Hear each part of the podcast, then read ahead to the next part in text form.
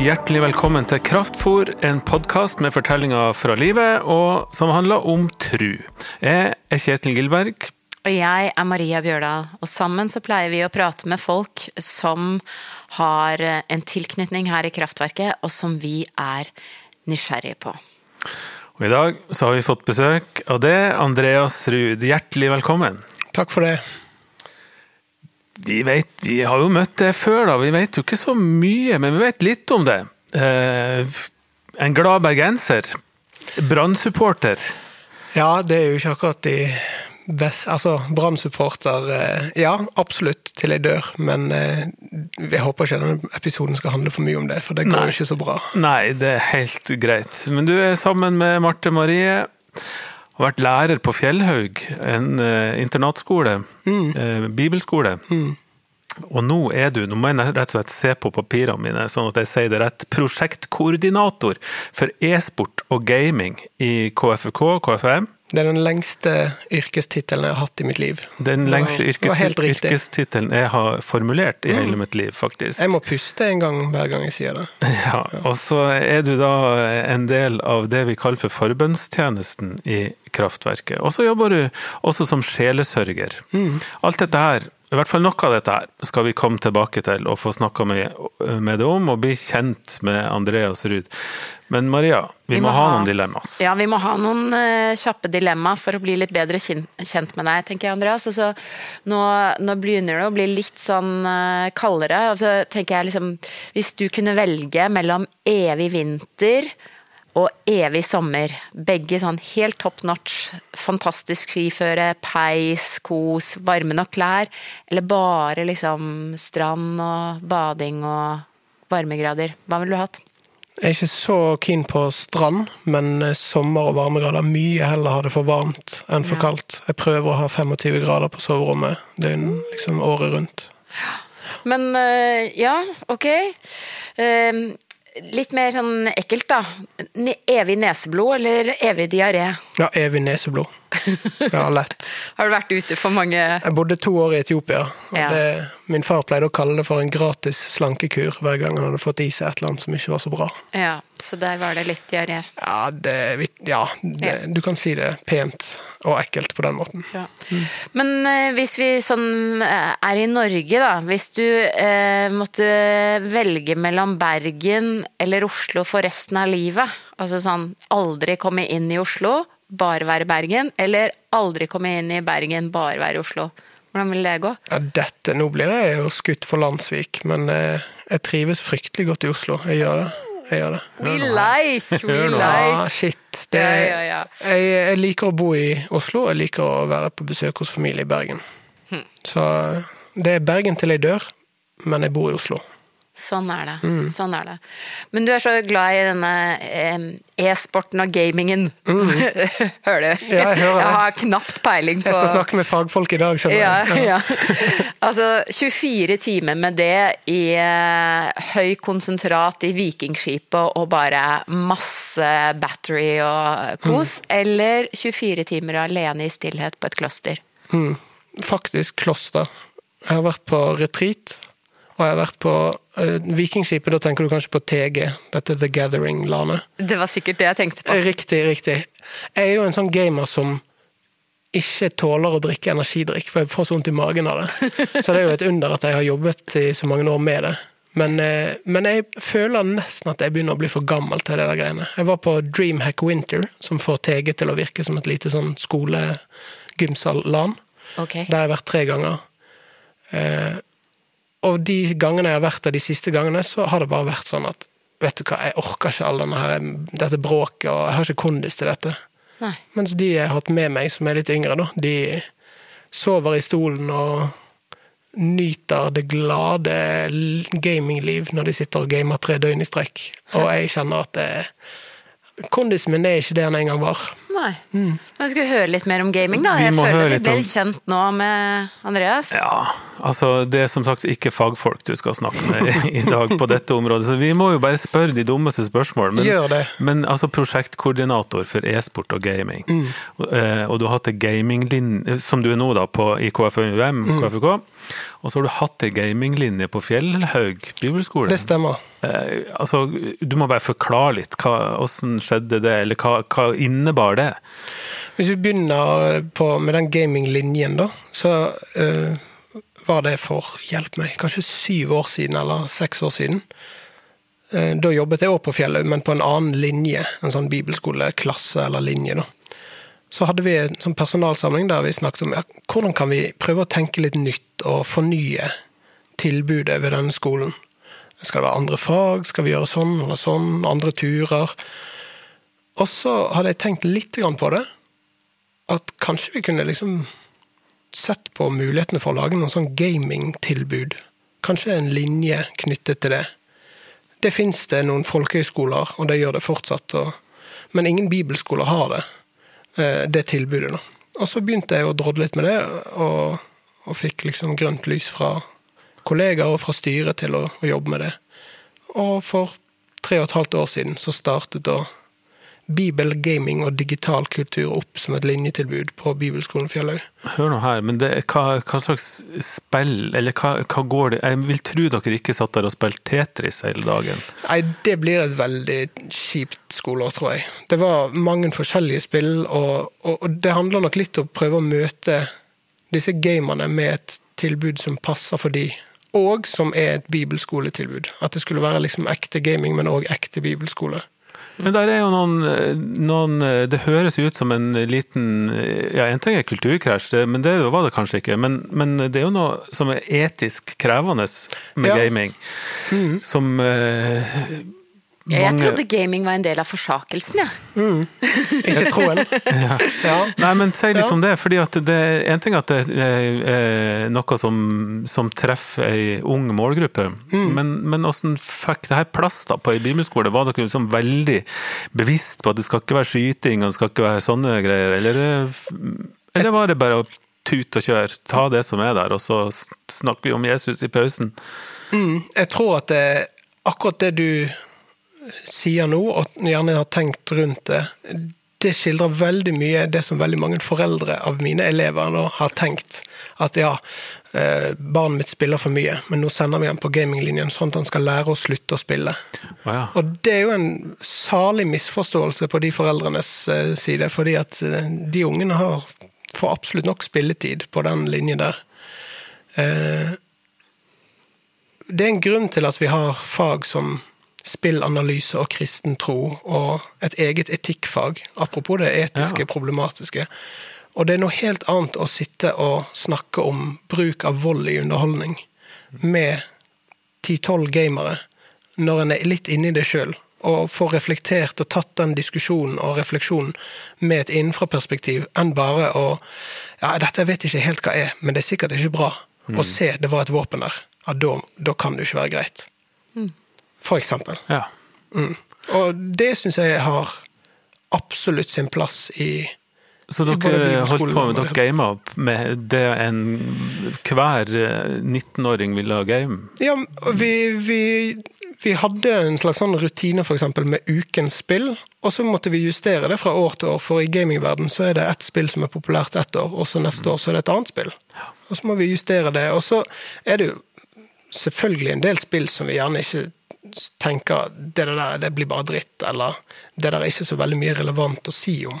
For eksempel Tetris kunne vi godt spilt litt. Men det blir Ja. meningsløst å ha tre uker med undervisning om det, og så en dyptgående analyse med hva dette å si for våre trosliv. Hvordan får vi brikkene til å falle på plass? sant? Ikke sant? Er det- har vært veldig lite som har vært sånn forset, eller liksom søkt, da, tenker jeg. Når det kom et spill som het Far Cry 5, der hele konseptet rundt lanseringen var en sånn religionskritikk der de kristne er de onde, og du skal befri befolkningen i denne dalen i USA fra de onde sektmedlemmene. Så tenkte jeg sånn, takk skal dere ha, dere som lagde dette spillet, for nå har jeg fått tre uker gratis med undervisningsopplegg fra dere. Ja. Og det var endte opp med å bli et litt sånn ja, tåpelig forsøk på religionskritikk. Og så gjennomgikk vi det så grundig vi kunne. Spilte det, samtalte om det, reflekterte rundt det. Jeg syns det er god bibelskole. Ja, kult. Mm. Det Det er jo sånn jeg får lyst til å sende ungene mine på. Jeg, jeg kan fortsatt anbefale det, selv om jeg ikke jobber der lenger. Det er Ja, bra men- folk som er der nå. Men du, Andreas, det at du jobba der, Mm. og hadde den rollen, og er den du er, så eh, Altså, jeg tenker jo i forhold til å være eh, lærer i NT, eller sånne kjempespennende ting. Mm. Det var ironisk. Nei, men så Du er liksom den unge, kule gaminglæreren. Ja, Var det sånn du ble oppfatta? det, det må du nesten ha elevene mine til å svare på, men jeg begynte jo som, med fem år som NT-lærer, for, for å si det det sånn. Jeg hadde mye nytestamentfag, men òg troslære hadde jeg på slutten, og evangelisering og apologetikk og type sånn ungdomskultur og kulturforståelse, den typen fag. Så jeg er jo utdannet teolog og lærer. Og så har jeg gamet så lenge jeg har hatt lov, holdt jeg på å si. Ja. Og litt når jeg ikke har hatt lov òg. Men det, det jeg vet, det er at mange av, av studentene, på Fjellhaug i hvert fall, de, de av ulike grunner kom til det for å ta en prat. Både om enkle og vanskelige ting. Altså en sjelesorgfunksjon, at du hadde det der oppe. Si litt om det. Hvor, hvor mye behov møtte du? Hva, ja, åssen var det? Det kan jeg godt si noe om. Jeg, eh, når jeg forteller at jeg har vært gaminglærer, så er det veldig mange som tenker at å, da må jo du ha drømmejobben. Ja, og det var på mange måter det. Eh, Samtidig så ville ikke jeg byttet hvor enn hvor mye energidrikk som jeg ikke drikker, eller gaming, mot en av de samtalene som jeg fikk ha i løpet av de årene jeg var der. Det var det absolutt mest meningsfulle og, og beste med den jobben jeg hadde der. Det var det jeg likte aller best. Og, og den tilliten som jeg ble vist, det er noe som jeg må bare bøye meg i hatten og takke for. At, eh, at de vågde å komme og dele det som de gikk og kjente på og tenkte på, trodde eller tvilte på, i samtaler da gjennom de åtte årene jeg jobbet der. Ja. Og det har du jo fortsatt med. Det, du jobber som sjelesørger nå, så er, er det en sammenheng, eller har det ført til at du endte opp med å jobbe som sjelesørger også? Ja, det vil jeg si. Da jeg begynte som bibelskolelærer, så tenkte jeg at det med å undervise og formidle, det er mitt sterke kort. Det er liksom det jeg kan bidra med. Det er min sterke side, er det vel det heter. Og så etter hvert som jeg jobbet der, så ble disse samtalene noe som Ja, det opplevdes både meningsfylt og fint, og, og, og jeg satte veldig pris på det. Så fikk jeg lov gjennom jobben å ta en videreutdanning i sjelesorg. Og når jeg nå sluttet der før sommeren, eh, og da samtidig får tilbud om å fortsette som sjelesørger på Fermate nede med Tjø- Tullins plass, er det vel det heter. Det er der alle kirkene ligger. ja. Holbergs? Holbergs plass er det, sorry. Tullin Nei, nei. Hva heter det? Tullins kafé? Tullins kafé. ja. på Holbergs plass. Å, minne. Ja, Ja. ja, ja.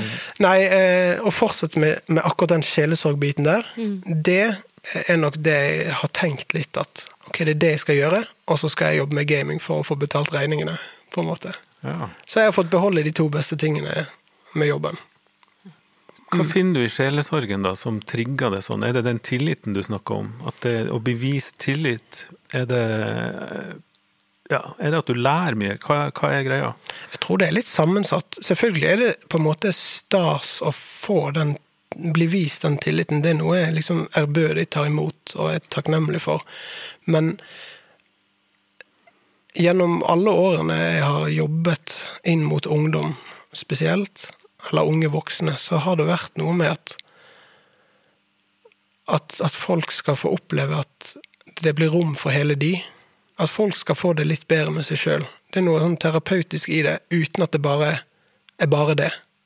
At de skal kunne ha det bra med seg sjøl, med de rundt dem og med Gud. Og gjerne glad i alle tre. Det hadde vært snadder å få hjulpet noen litt mer i nærheten av. Og for noen så trenger du ikke hjelp, de trenger bare noen som vil høre. Og det vil jeg gjerne. Ja. Og det er meningsfullt for meg. disse sammenhengene som vi snakker om nå, Fjellhaug og KFUM, KFUK, Fermate og alt dette her, i det kristne, store landskapet, så befinner jo de seg i en helt annen segment, eller hva jeg skal si, enn det kraftverket er. Mm. Så havner du her. Du er jo mm. økumenisk så det holder. Ja, det er en del av oppdragelsen min, tenker jeg. Ja, er det det? Ja, det er det. For du kommer jo tydeligvis ifra, ifra helt andre typer sammenhenger. Hvordan mm. havna du i, i, kraftverket? Altså, det er jo en, en, en sånn Som nå, etter å ha vært her i fem år, vel? Noe sånt så, så, er det en historie som var veldig sånn Den er veldig tydelig, vil jeg si. Jeg, det mitt andre år på Fjellhaug, da hadde jeg det veldig vanskelig i mitt private liv. Og opplevde at eh, jeg ble skilt eh, den sommerferien etter andre skoleår var ferdig. Eh, og det påfølgende året, påfølgende skoleåret, hadde jeg det veldig, veldig veldig tungt. Og var mye sykemeldt nesten hele høsten. Samtidig som jeg var helt på bunnen, så var det en kamerat av meg som dro meg med i et kollektiv som så på Liverpool-kamper. Og jeg heier på Brann og Liverpool, og da eh, Å kunne gå og se en kamp en gang i uken, det var givende. Og det var med folk som jeg ikke kjente noe særlig fra før. Mm. Og Hver gang jeg var der, omtrent hver gang, så snakket de om forrige gudstjeneste i Kraftverket, eller gudstjenesten som skulle være nå, og husgruppen som de gikk i. Og så, når det året, den sesongen var slutt, så fant jeg ut at ja, kanskje jeg kan være med i dette. Ble med i husgruppe og ble med i, på gudstjeneste i Kraftverket ca. samtidig. Og så kom jeg her og var ganske sånn et lite nervevrak. og da, da snakker vi et år etterpå. Da har du vært der sammen med de et år, mm. så du har vært skilt i da i to? Nei, da hadde, da hadde jeg bodd alene et år. Ja. Og så kom jeg her, og eh, kom inn, så en av de fra husgruppen og spurte om, om det gikk an Jeg tror jeg spurte faktisk om går det an å gjemme seg oppe på galleriet. Og hun svarte sånn 'Å ja, du vil gjemme deg der?' 'Ja, det går helt fint. Du bare går opp trappen, ja. og så sitter du der.' Og så satt jeg der. Og så var temaet den søndagen klagesanger. Om å ha rom for det som gjør vondt i livet, på en måte. Det er jo nesten så en kan begynne å gløtte mot himmelen og tenke 'hva skjer her'? Og en av de tankene jeg husker veldig tydelig, jeg tenkte det var at ok, nå sitter jeg oppe her på galleriet og ser ned på alle disse hipsterskjeggene og alle de som er annerledes enn meg, på en måte. Og her passer jeg ikke inn. Og så var det samtidig noe i den gudstjenesten som bare gjorde det veldig tydelig for meg at ja, nettopp derfor så passer jeg inn her. Sånn Hva som gjorde at du følte at du ikke passa inn? Nei, Det var vel det at jeg tenkte at jeg er vel Jeg har vel en annen bagasje. Altså, en, en som har teologiutdannelse fra NLM, misjonærbarn, har jobbet på bibelskole og og ikke er så veldig hipstrete og kul, men, men bare er meg. Her, her, er, her, er, det liksom lagt opp til at det skal være tilrettelagt for noen andre, men samtidig så er det et rom der det går an å være akkurat den en er. Og jeg tror det var noe i det, da. Det, det føles litt klisjé å si det på denne måten, men, men, det var veldig tydelig for meg at sånn var det.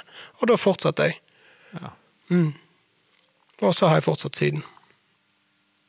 Det var ja, utrolig Hvis det der er sant, så jeg blir jo helt eh, lykkelig. Eh, ja. Hvis jeg... ja, dere må jo ha gjort noe rett, tenker jeg. Ja, men det, det, kan vi snakke litt om det? Å mm. være inkludert og, og, og, det å passe inn og ikke passe inn. Fordi, fordi du forteller sjøl at du ble skilt. Eh, og, og, i en institusjon som Fjellhaug og, NLM, og der du på en måte hadde tilhørighet, hvordan, hvordan ble det tatt imot? Mm. Jeg husker veldig godt den første samtalen jeg hadde med sjefen min. Eh, da jeg fortalte om hva som skjedde, og hva som holdt på å skje, og i, liksom, hvor jeg var i prosessen. Og da eh, satt jeg på kontoret hans, og han satt der og så på meg, og så sa han at eh, nå skal det være veldig tydelig for deg at dette syns vi er veldig trist at du opplever, og vi vil støtte deg. Og hvis noen kommer og liksom stiller spørsmål ved at du hører til her, så kan du, du bare sende de til meg. Det, her skal du være liksom trygg på at du hører til. Og jeg var helt eh, nede på bunnen og, og, klarte å tolke det som at ja, dette var egentlig godt å høre. Og så sier han òg at samtidig så er jeg nødt til å liksom informere om at dersom du skulle få eh, inngå et nytt forhold, eller noe sånt, så vil situasjonen bli annerledes. Det er bare sånn måte da? Nei, Da refererte nok han til at eh, Misjonssambandet har et, det som kalles for et restriktivt syn på gjengifte. Som betyr at hvis det er ikke lov å bli gift på nytt hvis man har vært gift før. Visste du det da du begynte å jobbe der, eller da du kom til den samtalen, eller var det nytt for deg da? For meg var nok det noe jeg var liksom ikke overrasket over. Jeg hadde ikke satt meg inn i retningslinjene før, fordi at jeg tenkte at det ville aldri være en problemstilling som ville bli relevant for meg. Ja. Og det var en sånn ting som jeg hadde nok tenkt igjennom, at jeg deler nok ikke helt det synet, men det er jo ikke en problematikk som vil berøre meg, så da er ikke det så farlig. Jeg kan være det som en sier, da være lojal mot eh, mot standpunktet, på en måte, uten at jeg nødvendigvis står for det sjøl. Og så plutselig står du i den situasjonen. Det ble relevant for deg. Ja, Få høre, hva, hva, tenkte du da? Ja, fordi at For å bare avslutte den samtalen der, så, så, gjorde ikke det vondt for meg der og da å høre det. Fordi at jeg tenkte det er ikke et problem nå heller. For det, det er utenkelig for meg å begynne å tenke på at jeg må finne meg en ny kjæreste eller noe sånt. Og så gikk årene, og så begynte jeg på dette sjelesorgstudiet, sendt dit nærmest av jobben. Og der traff jeg en som både var vakker og smart og Ja, dette, dette er litt kleint, men noe av det vanskeligste jeg vet om, det er type sånn romantiske følelser. Det hadde vært hele livet. Og det var, det var vrient for meg å kjenne at vet du hva, her, her må jeg nesten unngå denne personen, for jeg klarer jo ikke å snakke normalt rundt dette mennesket. Og samtidig så er det ingenting jeg heller vil uh, enn å tilfeldigvis sitte ved siden av den, eller stå der som den står, i friminuttene og alt sånt som det. Så studerte vi sammen ett år, og så fikk vi snakket litt grundigere sammen da, etter det første året. Og etter en måneds tid så fant vi ut at vi skulle prøve å være kjærester. Og så har vi vært det nå i litt over to år. Det har vært det beste i livet så langt. Åh, så koselig. Det er ganske koselig. Ja, du sitter og tørker en liten tåre. Ja, det var skikkelig rørende. Ja. Aune er en skjønn jente. Veldig. Mm. Mm.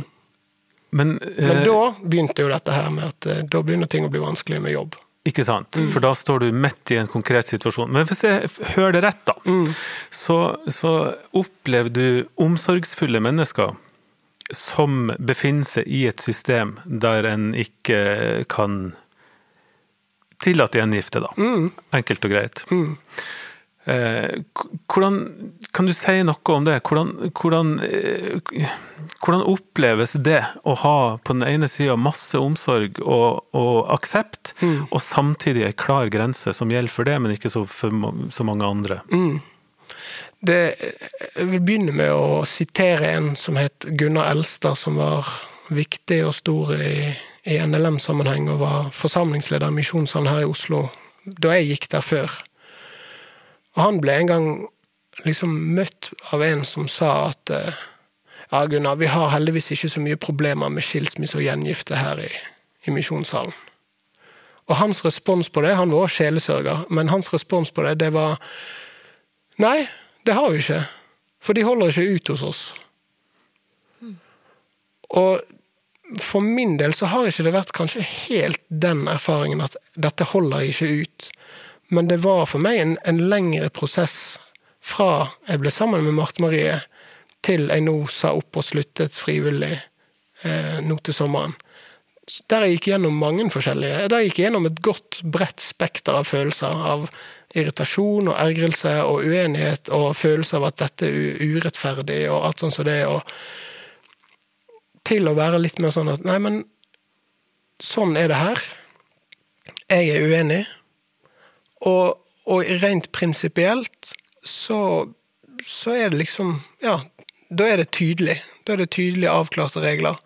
Jeg syns de suger. Jeg syns det er irriterende, kunne jeg tenke da.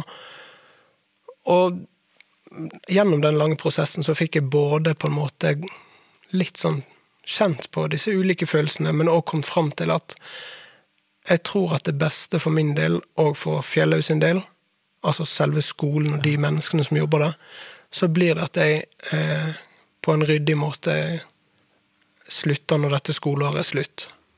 Uten bitterhet, høres det ut som. Ja, det er nesten merkelig. For den bitterheten hadde jeg jo på en måte, den kjente jeg på for halvannet år siden. Og så tenkte jeg det at bitterhet, å ende opp som en sånn bitter anti-NLM-er, det er fryktelig lite fristende for min del. Jeg har ingen problemer med å snakke kritisk om NLM, og samtidig har jeg ingen problemer med å snakke opp de gode tingene jeg har opplevd der, og som jeg ser fortsatt er der. Men for akkurat min del, med akkurat min historie og mitt liv, så tenkte jeg sånn at nei, men la meg heller ta et steg ut nå. Så blir det bedre for min del, først og fremst. Maria, Ja. du må jo, må, vi må jo koble på det òg, fordi du har jo ei lignende historie. I hvert fall ved at du, du også ble skilt, og har, eh, har eh, i den perioden der også da vært i et kristent miljø, vært menighetsleder og i det hele tatt. Det, hva, hva tenker du når du hører eh, Andreas snakke? Nei, det er, jo, det er jo noen paralleller, og så er det jo noen ting som er forskjellig. Jeg visste jo veldig godt hvordan spillereglene var i um, Nordmisjon og Storsalen både da jeg gifta meg og da jeg ble skilt. Og, og, de er jo også litt annerledes enn i NLM, fordi det er ikke umulig eh, i Nordmisjon. Var det i hvert fall ikke da. Jeg kjenner jo ikke reglene og utviklingen så godt nå, men det har i hvert fall ikke vært det sånn den tiden jeg var der, at man kan gifte seg på nytt. Men det har vært litt forskjellig Man er Jeg opplevde at organisasjonen er litt i prosess da, for å finne ut hvordan håndtere det, og, og lenge har prøvd forskjellige arter av å finne hvem, hvem er en skyldig eller uskyldig part i et samlivsbrudd, som jeg tror også ledelsen den gang jeg var der, skjønte at dette her klarer vi ikke helt å komme til rette med på en fin måte, eller det Hvordan kan man finne ut av det? Og det var jeg for så vidt enig med de i. Så jeg jeg kjenner jo at det, det, brenner litt i meg når vi snakker om dette her. Jeg møtte aldri noe annet enn omsorg knyttet til min skilsmisse. Og i og med at jeg har gifta meg på ny ganske nylig, da, så, så er jo litt glad for at det skjedde mens jeg var her i kraftverket. For da slipper jeg liksom å lure på. Må jeg gjøre rede for? Uh, trenger jeg å uh, forklare, eller Altså at Ja, det syns jeg Jeg syns det er veldig vanskelig med disse systemene som skal stille oss til veggs på veldig private og sårbare og vanskelige tema, der man ikke bare har behov for å beskytte seg selv, men kanskje også beskytte andre. Det kjenner jeg er vanskelig, altså. Ja, der må vi stoppe litt. For spørsmål til begge to, da. Har en leder på en bibelskole, eller i en menighet, eller i et kirkesamfunn, eller i en sånn kristen sammenheng, da, med hvilken rett eller har de rett til å gå inn i folks privatliv på den måten? Og mene og synes og innføre konsekvenser for måten folk lever på? Eller er dette noe en burde holde seg unna? Hva tenker du, Andreas? Jeg, jeg synes det er et litt sånn Det, det er et komplekst eh, tema.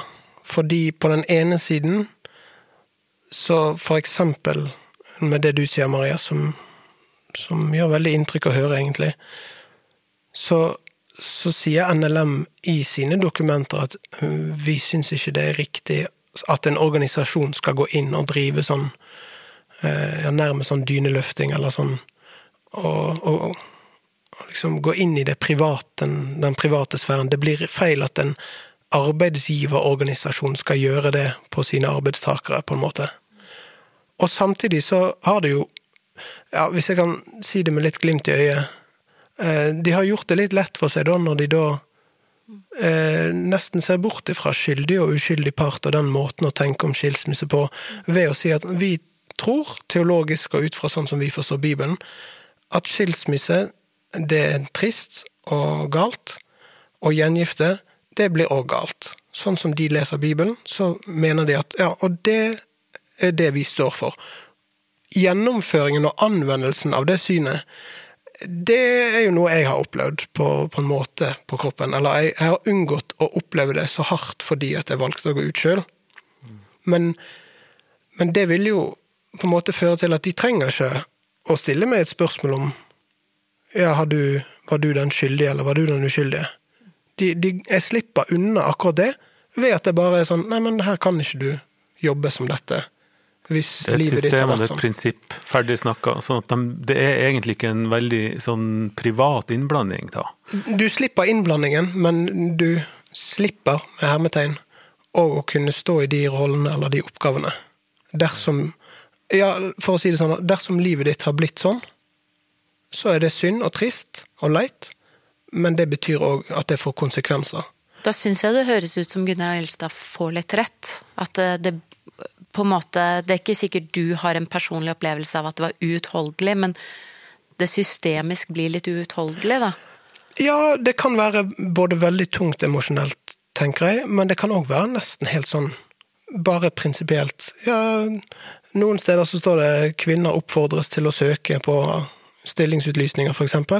Og i gamle dager så sto det at hvis du er fra Nord-Norge, så trenger du ikke å søke på denne jobben. Mm. Sånn, det er jo fryktelig å tenke på. Men men det er jo i praksis sånn det blir dersom en ikke skal gå inn. Og jeg støtter egentlig den tanken. Det du beskriver, Maria, syns jeg ikke høres greit ut i det hele tatt. Samtidig som jeg støtter det, så, så har de her en sånn Jeg tror de vet det sjøl at de står i en sånn kjempeklinsj. Det, det, tror jeg de skriver sjøl faktisk i dette dokumentet, at dette er noe av det vanskeligste temaet vi vet om, på en måte. Mm. Hva tenkte du, Maria? Lyst, nei, for jeg, Det er et veldig bra spørsmål. Skal man ikke blande seg inn i det private? Mm. Skal man ikke legge seg opp i hvordan livet leves? Mm. I det som både er veldig privat, men også veldig viktig. Mm. Ikke sant? Hvordan forholder vi oss til troskap, til ekteskap, mm. til løfter, til seksualitet? Mm. Eh, det har jo masse å si for livskvaliteten vår, og vi mm. kan virkelig såre oss selv og andre, og vi kan glede så inn i hampen oss selv og andre mm. i disse feltene her. Mm. Så det må vi jo bry oss med litt. Fordi vi står jo liksom og, og, lurer litt på hvordan skal vi gjøre ting, ikke sant. Det ikke, går ikke en dag uten at jeg ikke kan ha en samtale med noen i kraftverket eller i livet mitt om hvordan, hvordan skal vi manøvrere med kjærligheten, dere? Det er ikke lett. Um, og der må vi bry oss om hverandre. Så det syns jeg jo eh, Det setter jeg jo pris på at folk gjør. Altså noe av det jeg satt mest pris på i min prosess med å bli gift og skilt og gift igjen, er jo faktisk noen veldig direkte spørsmål fra en kamerat i storsalen som bare sa sånn Du Maria, jeg har vokst opp med å tenke sånn og sånn og sånn, og nå velger du sånn og sånn og sånn. Hvor, hvorfor gjør du det? Og det var så fint, for da kunne jeg gjøre rede for tankene mine og følelsene mine, og han ble klokere, og jeg ble klokere, og jeg fikk tenke gjennom det, og, og liksom Så det setter jeg så pris på. Men det er en forskjell der. Ja, hva, du beskriver at en kamerat, da kommer en på like plan. Ikke sant? Men som menighetsleder, eller som organisasjonsleder, eller arbeidsgiver, som du sier det, Andreas, så kommer du ovenfra og ned og sier at her har vi et system, vi har en boks. Eh, vi innser at der du har havna nå, så er du rett utafor boksen. Mm. Sånn at du, du ja, og det er i det spennet her mm. at det er utrolig vanskelig å manøvrere, da. Mm. Så, så, eh, igjen eh, Lurer litt på det med hvilken rett har en mm. å komme inn ja. i andres privatliv? Og, og, med hvilken rett og hvordan, hvordan oppleves det når at en For det, det skjer jo med oss alle, men ikke like synlig at den havner utafor den boksen med livet man lever. Men enkelte ting lar seg ikke skjule. En skilsmisse og et gjengifte lar eh, seg jo ikke skjule. Mm. Eh, Så ja, nei, nå har jeg ikke noe veldig sånn spissa spørsmål, men denne problematikken her, den, den må oppleves på ganske problematisk, tenker jeg, på den andre sida. Nå sitter jo jeg øh, og vi da som ledere, men jeg tenker å gå bryte inn, for meg som leder, å gå inn inn i privatlivet, i konkrete ting, da, da skal jeg ha blitt spurt først. Men jeg vet ikke. Jeg, jeg, Ja, dette, jeg syns det er veldig krevende, for jeg ser jo behov for at vi har etiske retningslinjer og samtaler, og at vi, vi må jo også innordne oss i noen systemer. Men eh, det er jo liksom dette vektforholdet, da, mellom hvor mye skal du presse livene inn i systemer, og nå snakker jeg liksom veldig overordna og ullent her, og hvor mye skal systemene tilpasse seg det livet som faktisk er. der har du det.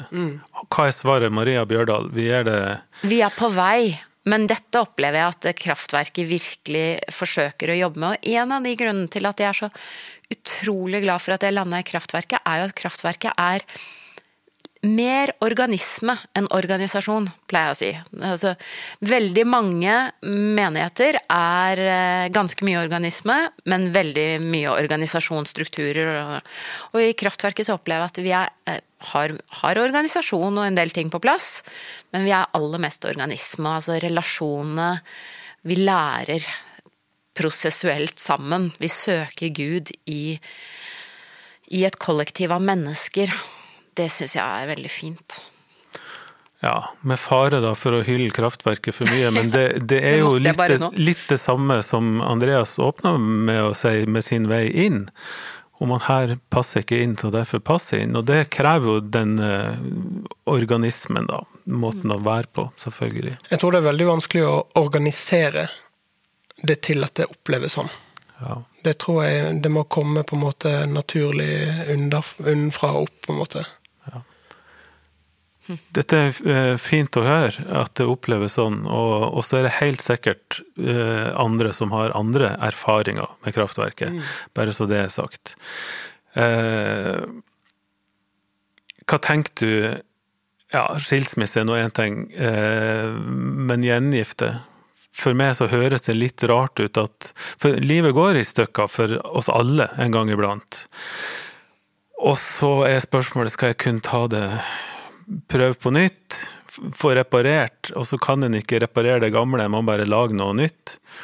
Og så investerer en i, i det fineste som finnes i livet. Som når du beskriver Marte Marie, så er det kjærlighet der, det er forpliktelse, det er troskap, det er alt som er eh, også kristne, bibelske verdier. Man sier at dette satser jeg på, her gir jeg all in. Og så er det der grensa går for at hvis du gjør det, da er du ute. For meg høres den ut som veldig vanskelig å svelge, altså.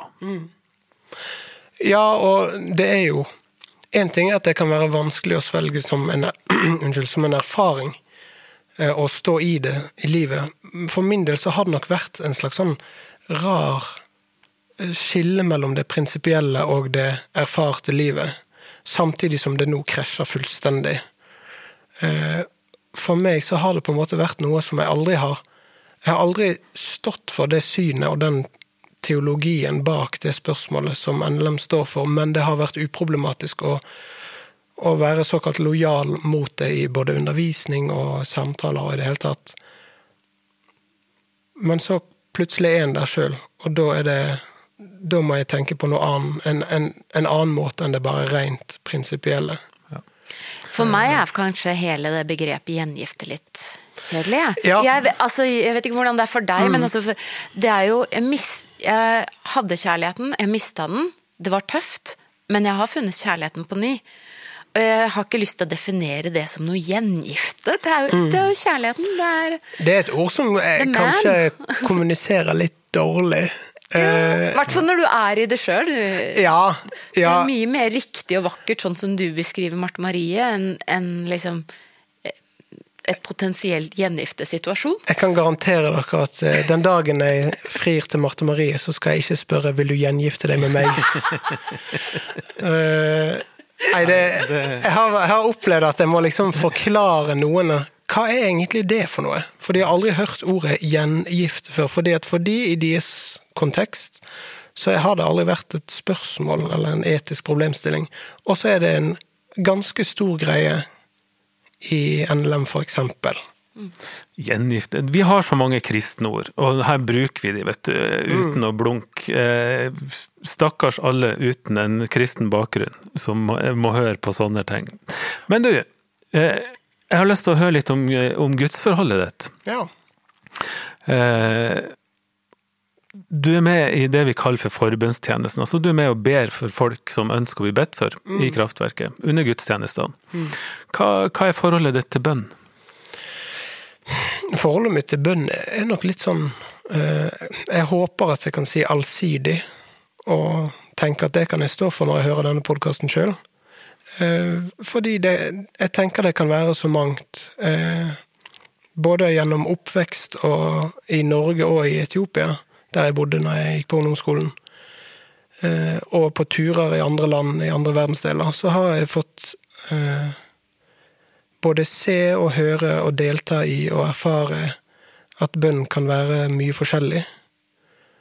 Og det å være med som forbeder i kraftverket og sitte bakerst på gudstjenestene, tilgjengelig for de som ønsker å sitte seg ned og dele et bønneemne, eller bare si 'kan du be en kort bønn for meg', det oppleves ikke så vanskelig når jeg har fått øvd meg litt. Og så er det samtidig en slags eh, connection der med dette sjelesorgengasjementet som jeg har. For i sjelesorgsamtaler så går det an å avslutte med en bønn. Det er noe som ikke er så veldig vanlig f.eks. hos en psykolog. Men det er det absolutt rom for i, i sjelesorgrommet. Men i ditt eh, personlige liv, da, du, sier da, du har hatt mye forskjellig erfaring. Hvordan er bønnelivet ditt? Ja, stemmer. Mitt eget bønneliv. Ja, nå liksom? Ja, nei, nå er det Nå for tiden så er det sånn at eh, eh, Iblant så kjenner jeg at eh, eh, Nå tror jeg det er godt for meg å henvende meg til Gud. Og enten be om ting, eller be for noen, eller takke for noe. Eh, eller snakke med Gud om noe. Eh, I går kveld så hadde jeg en sånn opplevelse av at nå er det på tide å være litt sammen med Gud. Og for meg trengs ikke da røkelse, et stearinlys eller et kirkerom nødvendigvis. Det kan være på både bad og gamingrom, som er soverommet, eller i stuen mens jeg står og jeg vet ikke, rydder eller lager mat på kjøkkenet, eller sitter på bussen. At det blir et slags sånn Nå er jeg litt stille, nå lukker jeg øynene. Nå henvender jeg meg til Gud, og jeg er trygg på at han hører meg, for det har han sagt at han skal gjøre. Hører du noe tilbake, da? Ikke hører, vanligvis. Noen ganger kan jeg erfare eller føle noe som kan være Gud, og det kan òg bare være at det er 25 grader. Eh, og noen ganger så skjer det ting som er litt underlig, på en måte, og så tenker jeg at jeg har ikke så lyst til å se verken Gud eller demoner bak hver busk. Men jeg lever i Guds verden og tenker at han er nær, og han er fjern, og han er det paradoksalt nok samtidig. Og om jeg erfarer noe eller ei, så tror jeg det er bra for meg, og så tror jeg det er bra for de jeg ber for. At jeg legger det i Guds hender. Åssen er det med Bibel, da? Er du en ivrig bibelleser? Da jeg var 15 år gammel, så flyttet jeg til Norge og begynte Nei, ja, da begynte jeg på noen ungdomsmøter uh, i en veldig karismatisk menighet i Bergen. Der gikk jeg ett år. Så begynte jeg i Salem som NLM sin forsamling. Der var vi en 20-30 ungdommer som var på møter. Og så husker jeg at det var en gang en forkynner kom, en dame som het Gunhild, som gikk barføtt på scenen, det husker jeg godt.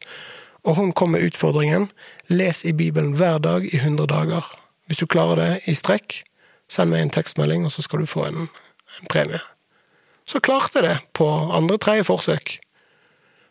Og så fortsatte det bare. Og da i veldig mange år så leste jeg i Bibelen minst én gang for dagen. Det var ikke noe sånn veldig langt jeg leste nødvendigvis, eller brukte veldig mye tid, men litt hver dag. Og så hang det sammen med ulike liksom, faser i troslivet, mens nå i dag så er det litt mer sånn sporadisk. Hva gjør det med det å ha et sånt eh, Hvis du klarer å ha et sånt ryddig og, og, og rutineprega bibellesing, hva gjør det med, med det? Jeg tror at det påvirker meg uten at jeg merker det. Eh, og så, for min del så har jeg vært vant med en sånn tanke om at åh, jeg leser ikke nok i Bibelen. Og som sagt, nå er det mer sporadisk enn det det har vært tidligere i livet. Nå har jeg ikke lenger en jobb der en del av stillingsbeskrivelsen min er bruk tid på å lese i Bibelen. Jeg har ikke en jobb der jeg kommer til morgensamling og leser i Bibelen hver dag.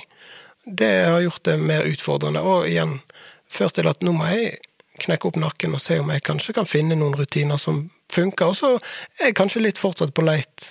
Jeg har brukt en sånn bibelapp på mobilen og kryssa av de kapitlene jeg har lest, og det er litt sånn mestringsfølelse, og litt gamingaktig, mm. med å liksom check, mm. check. Eh, og så er jeg nok fortsatt litt på leit etter, ok, som 34-åring, hvordan skal jeg Den delen av dette som handler om disiplin for meg, hvordan skal jeg finne det? Og den delen av det som handler om dette er noe jeg vil, og som jeg er glad for, eh, hvordan får jeg til det? Men hva gjør det med meg de gangene jeg får ta til meg av det som jeg leser i Bibelen, så, så tror jeg litt at, fortsatt på det at, at, at, det blir til næring for troen om jeg merker det eller ei. Jeg merker det veldig godt hvis jeg har glemt å spise frokost og lunsj en dag. Men jeg, merker, jeg tenker ikke over at nå merker jeg at jeg er mett, for jeg har spist frokost i dag tidlig. Jeg har ikke tenkt på frokosten min før jeg sier 'snakk om det nå', når vi sitter her og tar opp rundt lunsjtida. Men jeg spiste frokost, og jeg tror det er bra at jeg gjorde det. For ellers hadde jeg virkelig merket det. Da det dere òg, når vi sitter her og snakker sammen.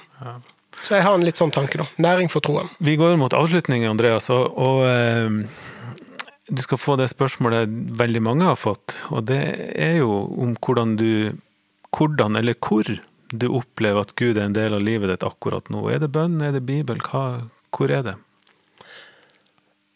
Jeg har faktisk lyst til å, å si gudstjeneste der merker jeg eh, ja, Der merker jeg at jeg har godt av å være. Fordi at jeg, jeg tror at det betyr noe for troen min. Og jeg kan til dels erfare det òg. Da kraftverket, som de aller fleste andre kirker, måtte slutte med vanlige gudstjenester i mars, eh, når det var sånn en periode, så var det veldig fint å kunne ha noen sånn livestreamede gudstjenester omsider. Men når vi kom tilbake igjen og kunne sitte med en meters avstand på hver vår plass og alt det der, og få gå til nattverd igjen og få høre at her møter Gud oss, og vi får møte Gud Jeg tror egentlig at gjør man det, så har det noe å si om en klarer å tro det eller ei, om en klarer å oppleve det eller ei. Men gjør en det, disse tingene, så vil det ha noe å si. Det er jeg egentlig veldig trygg, trygg og overbevist om, hvis det gir mening. Så jeg har lyst til å hype gudstjenester bitte litt som noe som kan bety noe for troslivet til andre, fordi jeg opplever det betyr noe for mitt. Den hypen skal få være siste ord. Mm. Andreas Ruud, fantastisk mann. Ja. Og tenk at du er en del av kraftverket. Du har utrolig stor betydning for mange. Det vet jeg, og det håper du vet sjøl. Det er en fryd å ha det i menigheten, og det har vært en fryd å ha det her i Kraftfor. Mm. Tusen takk for at du var her. Maria, vi skal lage ny episode ganske snart. Vi skal det.